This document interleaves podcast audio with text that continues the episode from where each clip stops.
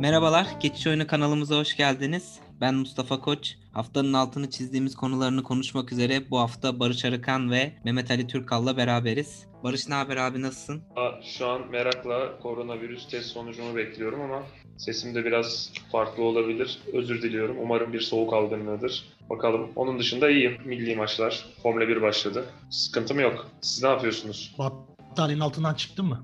Kardeşim üşüyordum ama ya. Laf ediyorsun da. Laf etmiyorum ya. Battaniyenin altından çıktın mı diye sordum. Adamın Yok, üstüne hasta ya Mali. Abi bir şey demedim. Siz neden benim üstüme geliyorsunuz? Durun bakalım. Sen ne yapıyorsun? Algınlığı, üşüyorum. Abi yoğun tempo çalışıyoruz ya. Zaten kaç hafta oldu altı çiziliğe gelemiyordum. Evet. Özlemişim. Geri döndüm.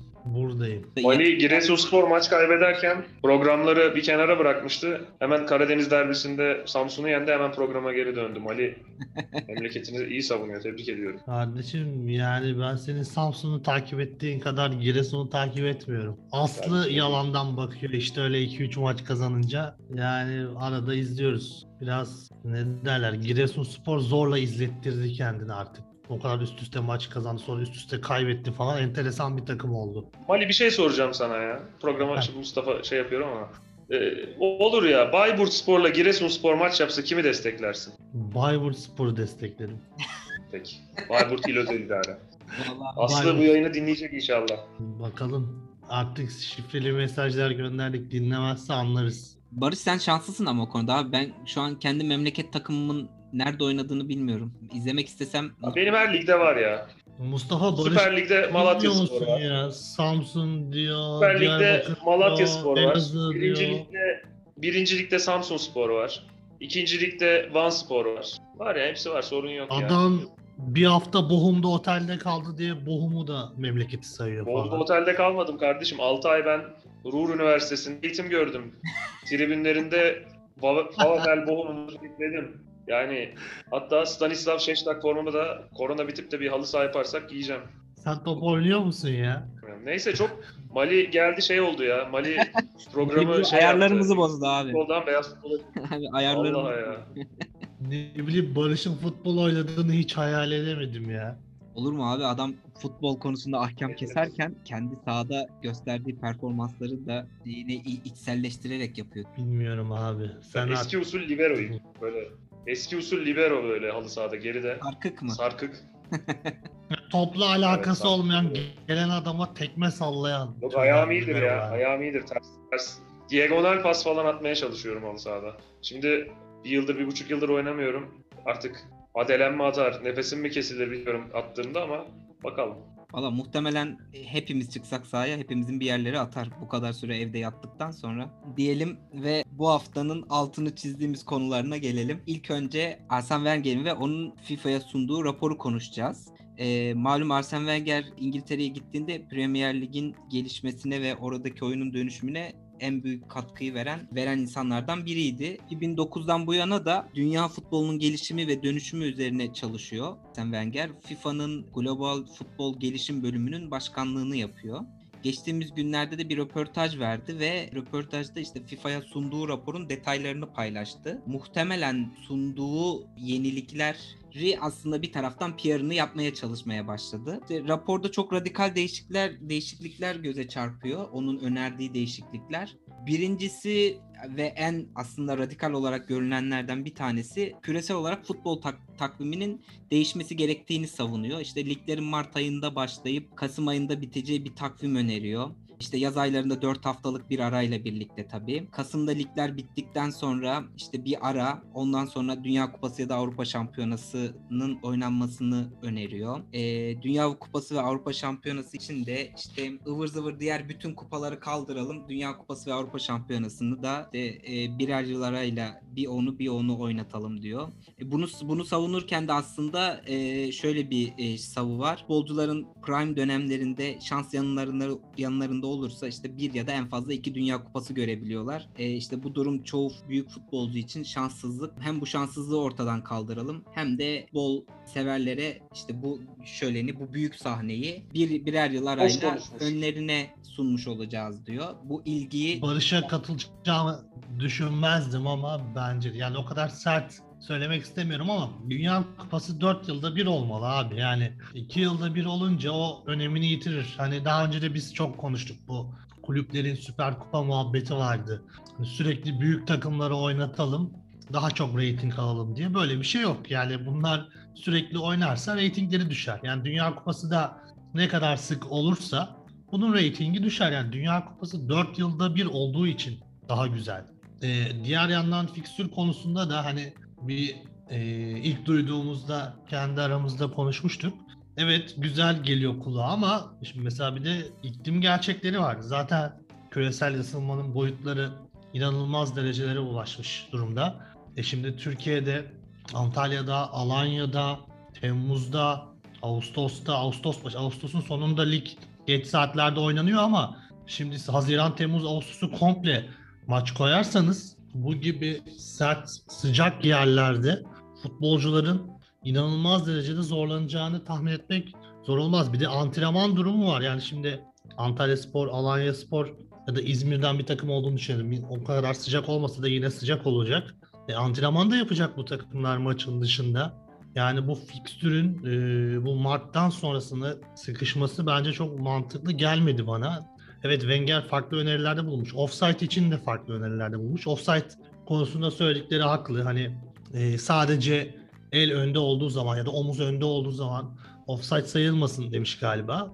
O konuda hak veriyorum kendisine ama fikstür ve bu Dünya Kupası formatının tarihinin değişmesi konusundaki düşüncelerini desteklemiyorum. Barış kadar sert olmasam da. Ben çok sertim. Mali senin de ilk, ilk katıldığımız şey dışında katılmıyorum Mali'ye de. Wenger önce şey yani diğer nasıl futbol dünyasındakiler akıl edememiş bilmiyorum. Ee, yanılmıyorsam 2008 elemelerine kadar, kadar eleme maçları e, Avrupa kıtasında e, cumartesi günü oynanıyordu ve çarşamba günü oynanıyordu. Ondan sonra takımlar dağılıyorlardı ama çarşamba oynandığı için de sonraki hafta lig maçlarını da mahvediyorlardı. Cuma zaten oynayamıyorlardı. Cumartesi oynayanlar özellikle Güney Amerika'dakiler çok sıkıntı çekiyordu. Ee, şey de dedi ki Wenger de akıllı bir insan olarak dedi ki ya dedi niye bu kadar kasıyorsunuz? Zaten önceki hafta pazar lig maçları bitince gönderiyorsunuz milli takıma. Cuma salı yapın. Hafta sonunda rahat rahat oynayın dedi. 2008 elemeleriyle başlamıştı bu. Çok mantıklı. Zaten şey de çok saçma aynı anda bir sürü maç oynatmak. Sonra günlere de yaydılar. Ee, daha iyi bir noktaya geldi. Wenger'in iyi görüşü buydu. Son offside ile ilgili yani zaten olan şeyi daha da karıştırmaya yönelik açıklamaları vardı. Şimdi şu hiç sevmediğim tabirleri e, var insanların.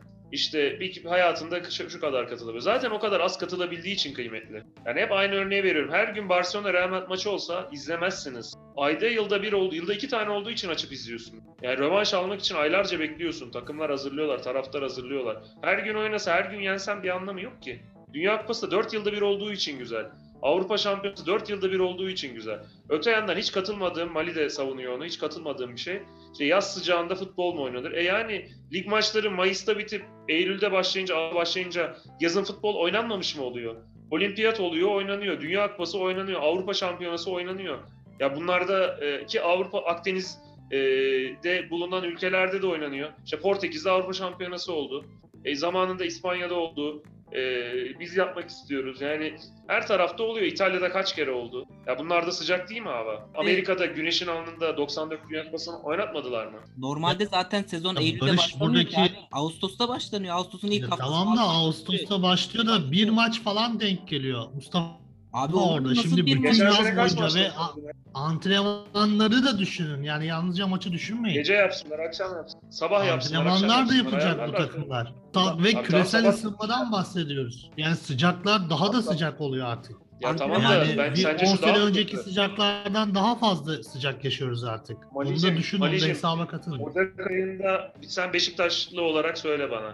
Ee, Haziran ayında Antalya'da akşam 11'de mi maç oynamayı tercih edersin? Ocak ayının 10'unda istediğin günün herhangi bir saatinde Erzurum'u mu tercih edersin? Yani zemini ise Erzurum'da oynamayı tercih ederim. Zemini de her, her, her şeyi değerlendir. Ha, Zemin yani iki zemin de eşitse Erzurum'da oynamayı tercih ederim.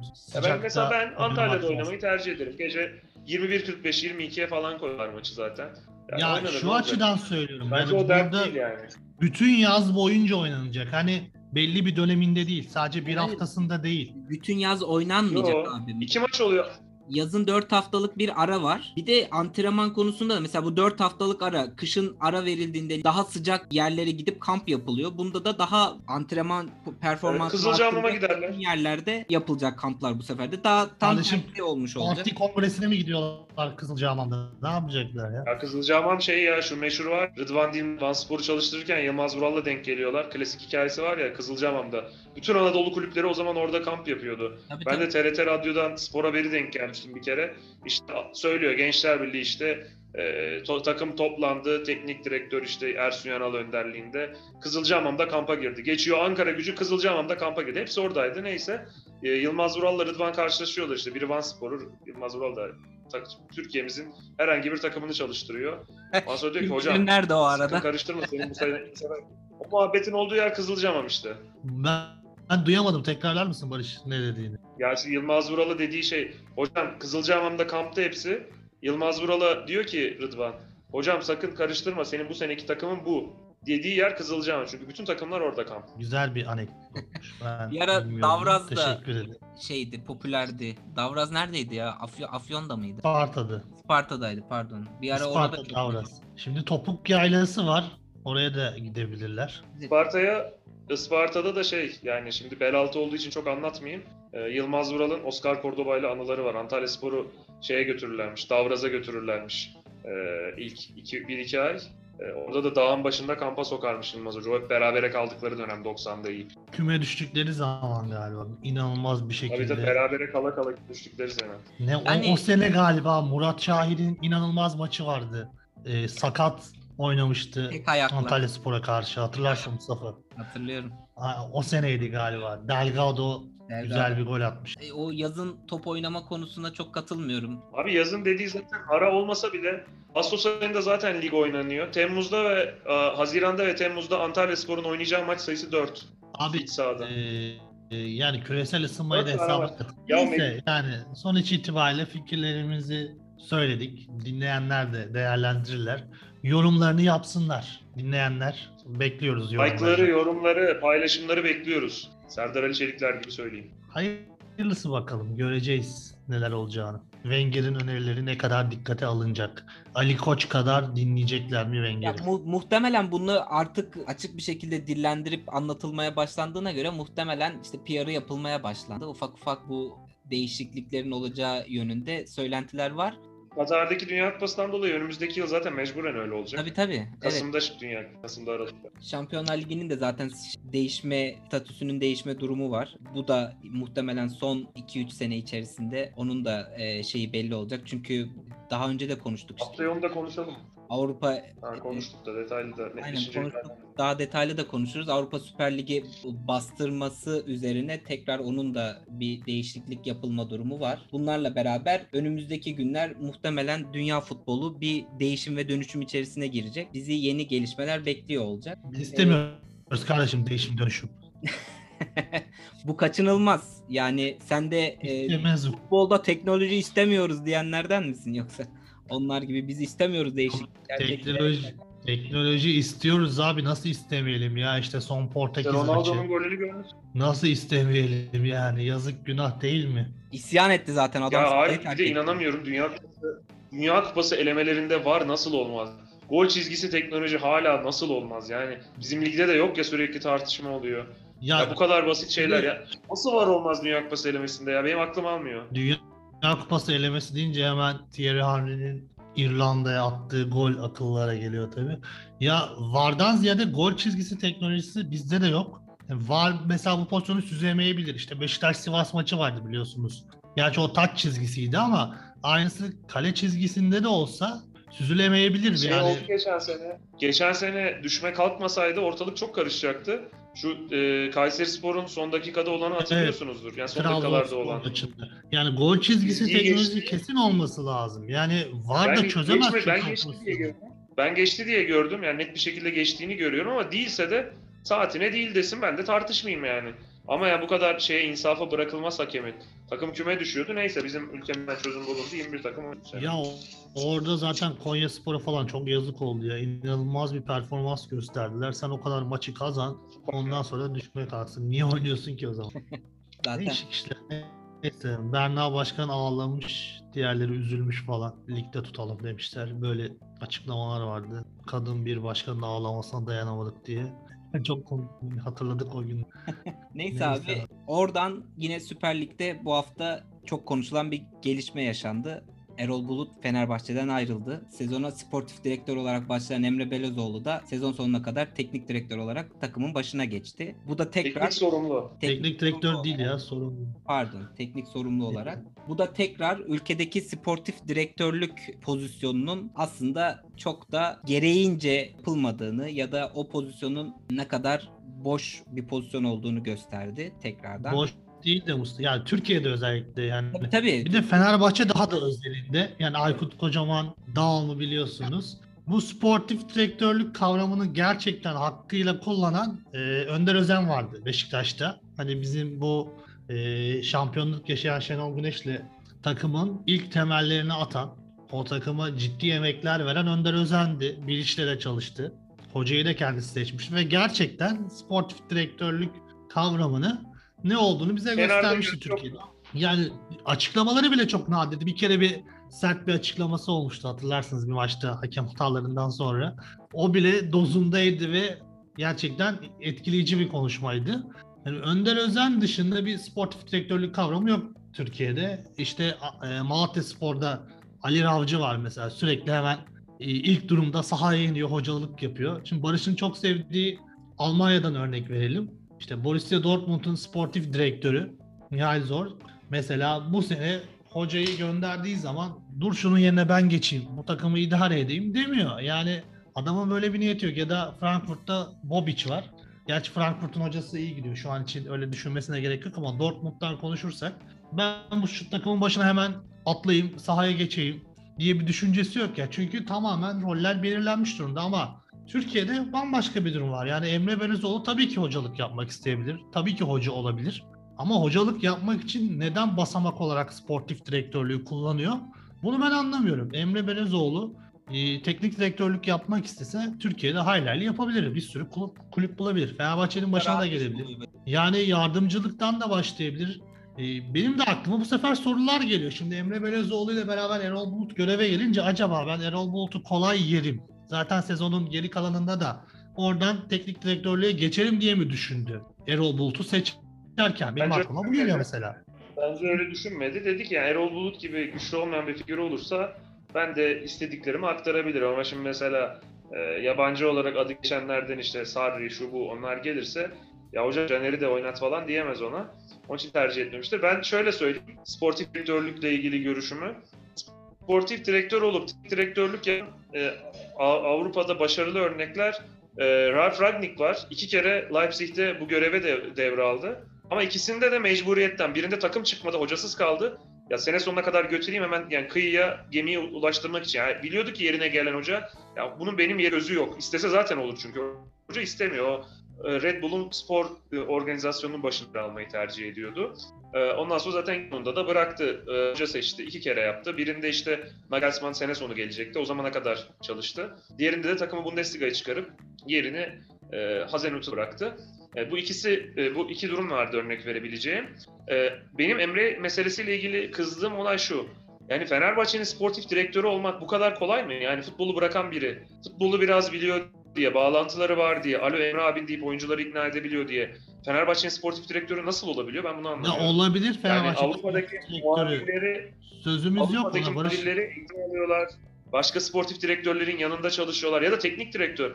Yani mesela Colby'nin daha yanında çalışmış olsa Emre bir tecrübe edinirdi, yanlışları görürdü en azından bir şekil verirdi. Ama şu an direkt futbolu bıraktı. Fenerbahçe futbolunun Samandıra'nın anahtarını aldı. Direktörlük geçmişi hiç yok. Ya, ya da geçen senede Tahir Karapınar görünümünde Emre Özoğlu'dan biraz var. Ama ya bir yardımcı antrenörlüğü yok, bir eğitimi yok, bir şey lisansının olmamasını geçtim. Sergen Yalçın diyoruz mesela. Kaç tane Anadolu takımı çalıştırıp başarılı oldu. Biz farklı seviyelerde düşmeden kurtardığı da oldu, Avrupa Kupası'na götürdüğü oldu.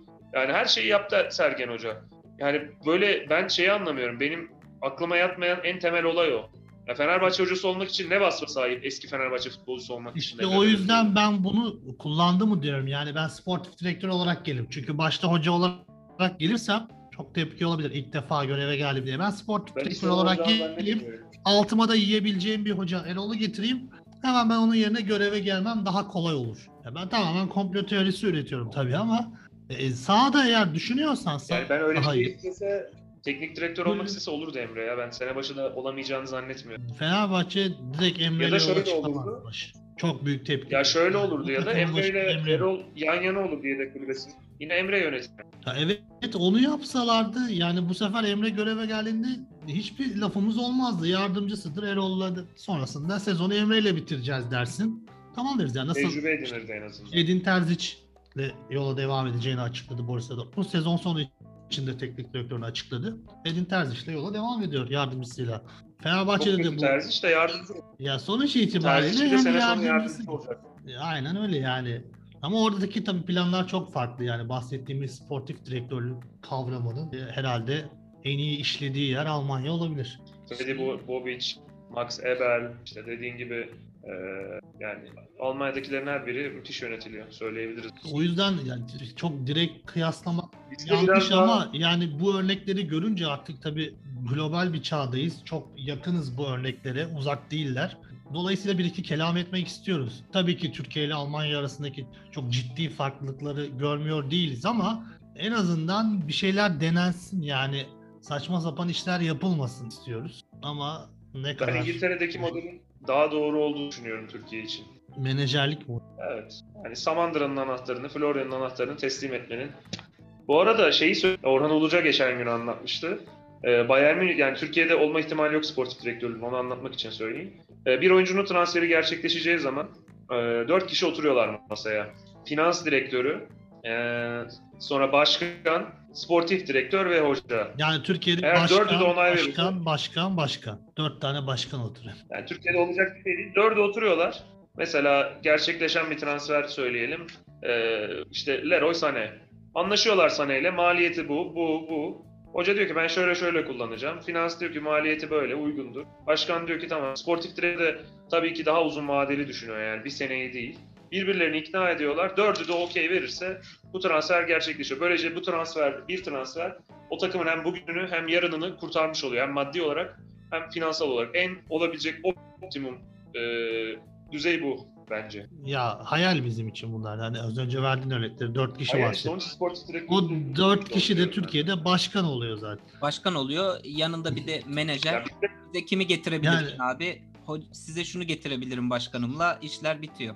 Aynen Ahmet Durçebi'nin vardı ya. menajer Transferi son gününde arıyordu işte şunu oldu bunu oldu onu getireceğim mi bunu götüreceğim mi? Yani son gün olmuş oradan kimi Yani- kurtarabilirsem diye işte konuşuyorlar. Neyse abi. ya şöyle e, zaten bizde başkana başkan veya da hoca ya Fatih Terim gibi bir hoca ya da işte Ali Koç gibi bir başkan. Gerçi Ali Koç zayıf bir figür de e, yani eskilerden Aziz Yıldırım gibi bir başkan oturduğu zaman masaya yani finansla ilgilenen yöneticinin de başkanım bu transfer çok pahalı almayalım diye, diyebilme ihtimali pek yok. Yani, Onu hep ya da hoca mesela dönüp, dönüp dolaşıp aynı yere geliyoruz işte. Yani Türkiye'de o kuvvetler olmaz. ayrılığı dediğimiz bölüm yok. Yani bir güç var ve bu güç ne diyorsa o oluyor bir şekilde. Transferde de İşte hocanın başarılı örnekler, başarılı örnekler Sergen de öyle. Siz daha iyi bilirsiniz. Sergen de şu an Beşiktaş'ın eee, nasıl diyeyim Ümraniye'nin anahtarı teslim edilmiş durumda Sergen. Ya Sergen istedikleri oldu, yönetimin de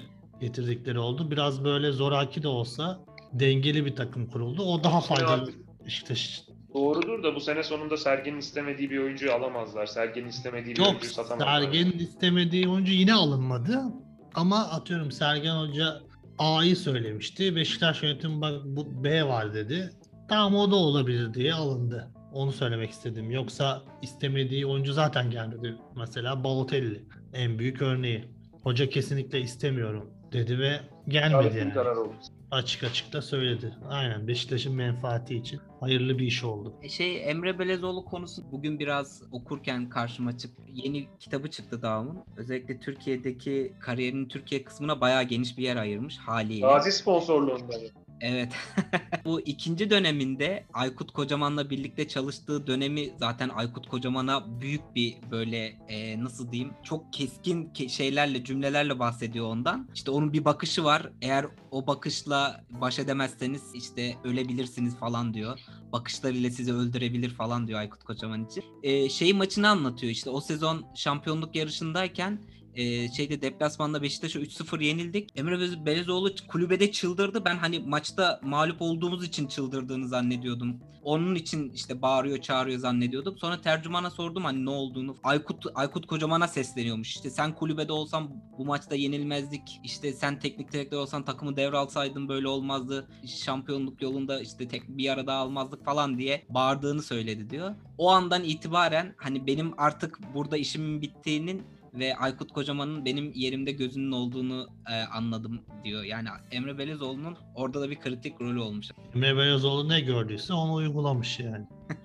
Öyle görünüyor. Ya Evet. şey olursa büyük rezillik olur ya. Sonunu düşünen kahraman olamaz falan diyordu bugün de.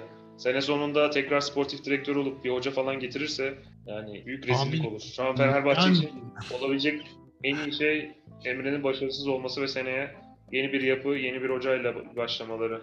Neden bu cümlelere ihtiyaç duyar ki insan? Yani sonunu düşünen kahraman olamaz falan. Kurtlar Vadisi'ni yeniden mi çekeceğiz? Neden yani? Ya orada umudu ayakta tutmak gerekiyor. Sonuçta taraftara da bir şey vermen gerekiyor. Umut vermen gerekiyor. Yani başa geldikten sonra Yani umut vermek için bu cümle mi kullanılmalı yani? Yani işte Yok şey diyor yani sene sonunda ne olacak dediler. Hoca mı olacaksın sportif direktör? Sonunu düşünmüyorum. Sonunu düşünen kahraman olamaz. He he he dedi. Sen güldün mü bak? Yok. Mustafa eğlendi. Ama yok ben Barış'ın anlatma şekline güldüm ya. Sonundaki he değişine. çok- bilmiyorum ya, ya. İnşallah başarılı olur. Biz kimsenin başarısız olmasını istemiyoruz. Başarılı Ben olsun. başarısız olmak istiyorum. ya. Emre gibi figürlerin ülkem futbolundan bir an önce silinmesini istiyorum. Kusura bakmayın. Yani e, Emre gibi figürlerin silinmesini Fenerbahçe'ye de faydalı olacak Fatih Terim hocamızı başımızın tacı yapıyorsun. Sen de çelişkili ifadeler kullanıyorsun Barış. Olabilir kardeşim. Yani herkes başarılı olsun, ülke futboluna katkı sağlasın. Bizim isimlerle problemimiz yok. Ama gidişat, e, Mali şu an sıva yapıyor. göreve geliş şekilleri biraz offside. Yine de Emre yüzden- abimiz deyip öyle kapatacak Mali sonunda. Yani şey gibi sanki Mali programdan önce Mali'ye alo ben Emre abin diye bir telefon gelmiş gibi konuşuyor. Yok yani Emre Belezoğlu'nu sevmiyorum karakter olarak e, futbol oynadığı dönemde özellikle. Ama illa başarısız olsun, ölsün, bitsin, sürünsün de demem yani. Onu söylemek Ölmesin bitmesin de başarısız olsun. Çoluğuyla çocuğuyla maçları takip etsin. Rahat bir hayat sürsün ben onu isterim. Fenerbahçe'nin de iyiliğine olduğunu düşünüyorum. Çocuğun adı neydi ya? Sürekli Instagram hesabı tagleniyordu bir ara. Bilmiyorum. Ömer Faruk, Ömer Faruk. Neyse Emre Belezoğlu'na bu iyi dileklerimizi de ileterek toparlayalım. Var mı eklemek istedikleriniz? Milli takımı tebrik Mustafa edelim. kapat da Mali rahat rahat sallasın Emre Belözoğlu'na. Şimdi içinde tuttu patlamasın. Abi Emre Belezoğlu'nu sevmiyorum ya. Sanki seviyorum falan mı dedim ben. Başarılı olsun dedim. Türkiye futboluna katkıda bulunsun dedim. Ne dedim? Kötü bir şey söylemedik Peki yani. Barış'cığım sövelim istiyorsun herhalde. Sövmüyorum. Yok yok söyleme kardeşim. Evet Mali, e, Burası özgür bir platform. Mali tebrik etti. Biz de milli takımın son iki maçta gösterdiği performansla gerçekten mutlu olduk. Şunu söyleyeyim milli takımla alakalı. Hep böyle biz e, yıllarca şey derdik. Ulan şu maçta ne top oynadık falan derdik. Avrupa takımı gelir iki gol atar giderdi. Mesela Beşiktaş Lazio maçı benim hafızalarımdan silinmedi. Böyle Beşiktaş ulan ne top oynadı demiştik. Lazio iki kere gelip Stan falan kafa golü atmıştı. Yenmişti bizi. Bizim milli takımımız da top oynuyor yani şu anda. Gidiyoruz, atıyoruz ve dönüyoruz. Büyük takım imajı bizim çocukluğumuzdaki böyleydi. Galiba ona evrildik biraz. İnşallah böyle devam ederiz. İnşallah ben de program bittikten sonra e, demin YouTube'da gördüm Şenol Hocam'ın Bitcoin üzerine tavsiyeleri vardı. Onları izleyeceğim. Herkese tavsiye ediyorum. Alalım mı?